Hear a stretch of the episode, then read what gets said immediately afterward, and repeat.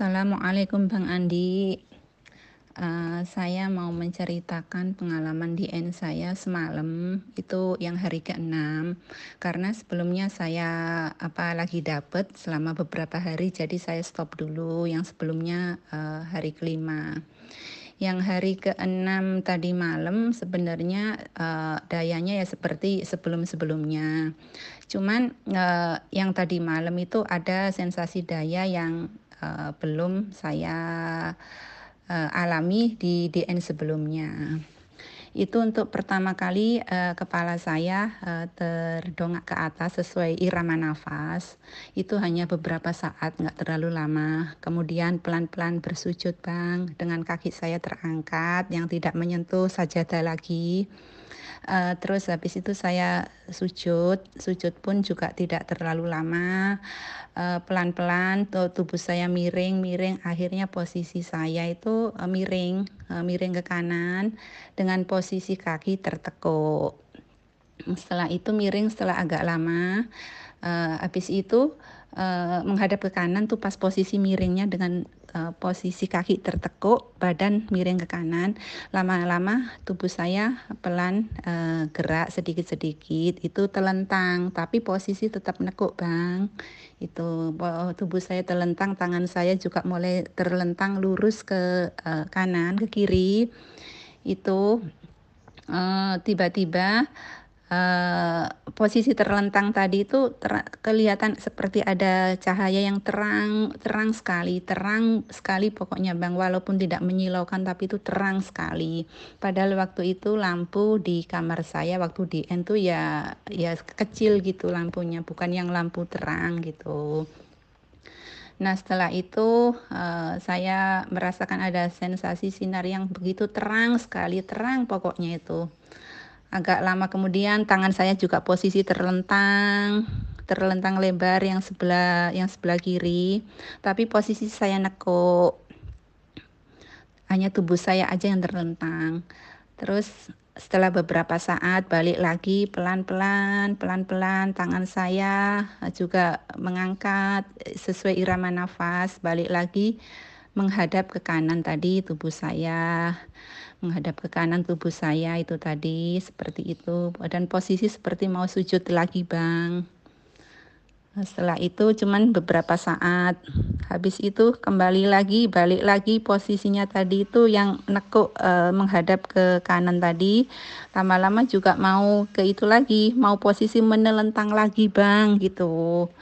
Pelan-pelan posisi mau menelentang lagi pas posisi tadi ketekuk tadi apa uh, lebih banyak waktu lamanya itu di posisi menghadap ke kanan tubuh miring nekuk tadi sehingga menghimpit dada saya itu agak sakit kayak gitu. Posisi lamanya di waktu menekuk itu tadi. Terus habis itu lama-lama apa posisi kembali menelentang tapi belum sepenuhnya kayak yang menelentang sebelumnya. Itu alarm berbunyi. Saya di N satu jam bang gitu. Rasanya cepat waktu, cepat banget waktu berlalu.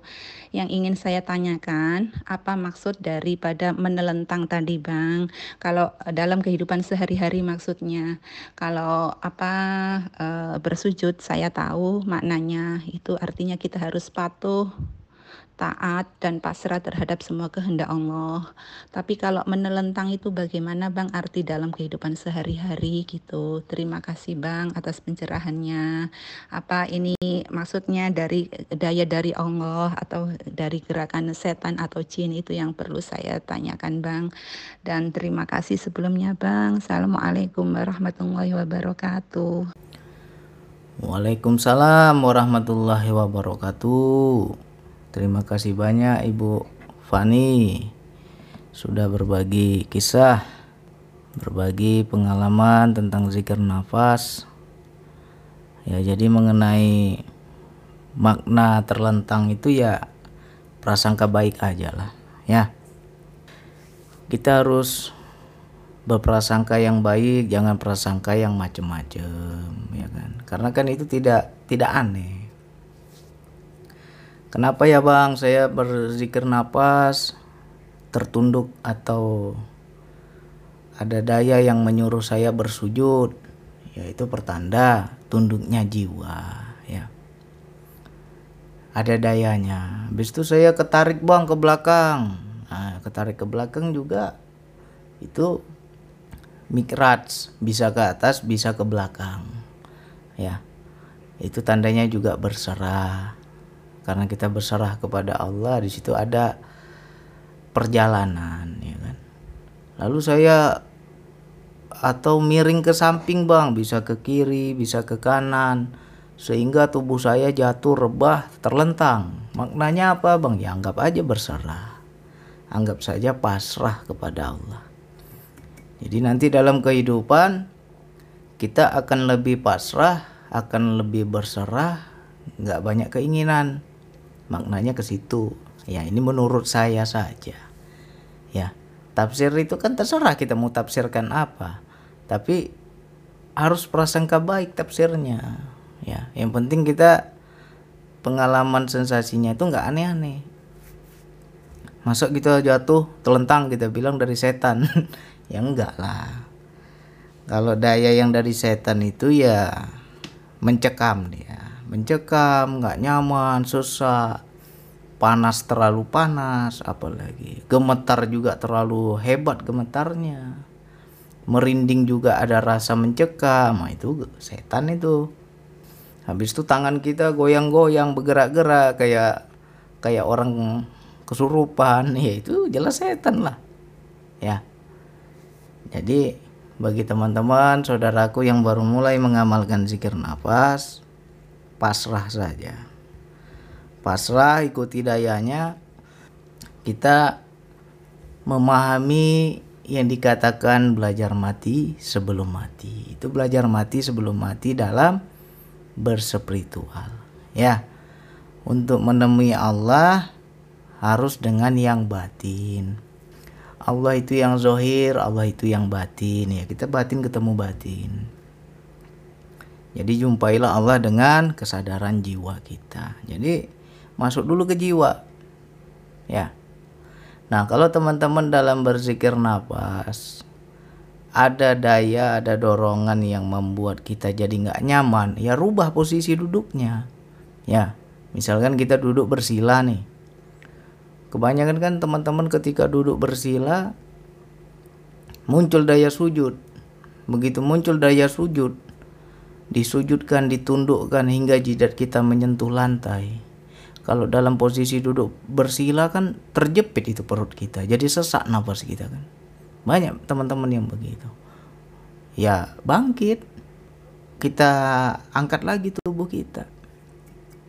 Kalau nggak nyaman ya ulangi lagi dari awal. Nah, makanya dianjurkan duduknya itu timpu. Sehingga ketika muncul daya sujud, perut kita nggak terjepit. Ya, nafas kita juga enak. Nah, makanya banyak teman-teman yang ketika dia duduknya bersila, begitu dia disujudkan ya nak perutnya terjepit lah, belipat perut itu. Apalagi perut-perut besar ya, yang perutnya besar itu wah sesah nafas itu. Akhirnya apa? kesadaran kita ya terbagi-bagi udah udah nggak konsentrasi lagi udah nggak tenang lagi udah macem-macem kekusukan kita buyar ya. Zikir kita juga hilang itu kesadarannya kepada Allah. Jadi ya untuk masuk kepada kesadaran jiwa ya jasad ini harus rileks dulu. Jadi carilah posisi duduk yang nyaman. Mungkin teman-teman punya kursi yang empuk kursi santai ya. Ya duduk di kursi kalau memang lebih nyaman ya DN-nya di kursi boleh. Ya kan bang saya kaki saya pernah kecelakaan bang. Pernah patah. Pernah terkilir bang. Kalau duduk timpu nggak nggak kuat bang. Ya sudah. Carilah duduk yang nyaman. Atau kita duduknya menyandar ke dinding kaki kita kita selonjorkan. Bisa boleh. Ya kan? Atau kita nggak kuat ini duduk berjam-jam. Nggak kuat duduk berlama-lamaan. Ya sambil berbaring bisa. Jadi ini yang banyak teman-teman nggak paham ketika berzikir nafas dayanya kencang lalu rebah nih tubuh kita kan. Jatuhlah ke bawah terlentang kita. Kita mau pindah ke tempat tidur? Boleh. Kalau saya saya pindah. Kebanyakan saya sering begitu. Misalkan saya duduk berzikir nafas, satu jam. Duduknya duduk timpu dalam satu jam itu kaki saya udah luar biasa itu sakitnya nggak kuat lagi. Tapi dayanya masih ada. Ya kan? Daya untuk berzikir kehendak untuk berzikir rasa untuk melanjutkan perjalanan kita masih ada. Ya pindah posisi cari yang ternyaman. Kalau biasanya saya langsung pindah ke tempat tidur. Saya DN-nya sambil berbaring. Nah di situ akan cepat masuk kepada jiwa. Karena posisi kita masih ada rasa ngantuknya ya. Jadi teman-teman kalau zikir nafas bang saya sering zikir nafas udah mulai terasa ngantuk bang mau pindah posisi ke tempat tidur boleh. Tapi kalau nggak kuat kesadaran ya bukan zikir kita ketiduran yang namanya. Kebanyakan teman-teman begitu.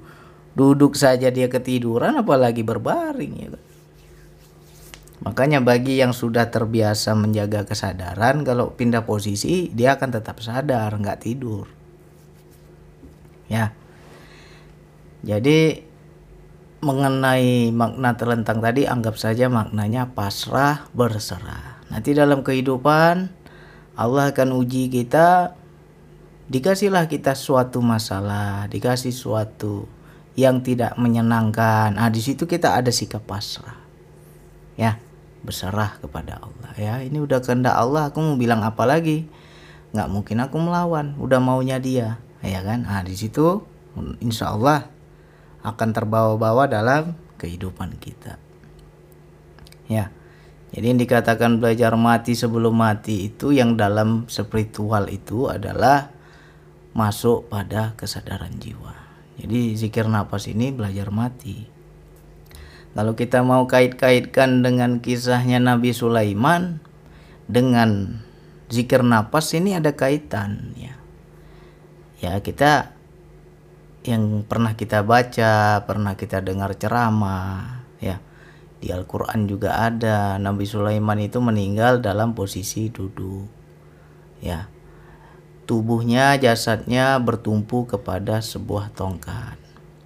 Ketika tongkatnya itu patah dimakan rayap, barulah tubuhnya jatuh ke bawah. Barulah para manusia dan jin mengetahui bahwa Nabi Sulaiman sudah meninggal, ya. Kalau kita mau pakai logika, pakai analisa ya ilmiahnya, ya menurut saya Nabi Sulaiman itu dalam kondisi berzikir. Ya. Dia meninggal itu dalam kondisi berzikir ketika dia meninggal jasadnya nggak busuk ya. Karena apa? Ketika tongkatnya dimakan rayap itu kan butuh waktu. Nggak mungkin yang namanya kayu dimakan rayap itu sebulan dua bulan bisa-bisa tahunan ya kan? Nah itu kalau kita pakai analisa berarti jasadnya nggak busuk. Dia seperti hidup seperti orang hidup sedang duduk ya kan Nah, ketika dimakan rayap ya berarti kan butuh proses, butuh waktu. Barulah tubuhnya jatuh. Nah, begitu juga kita.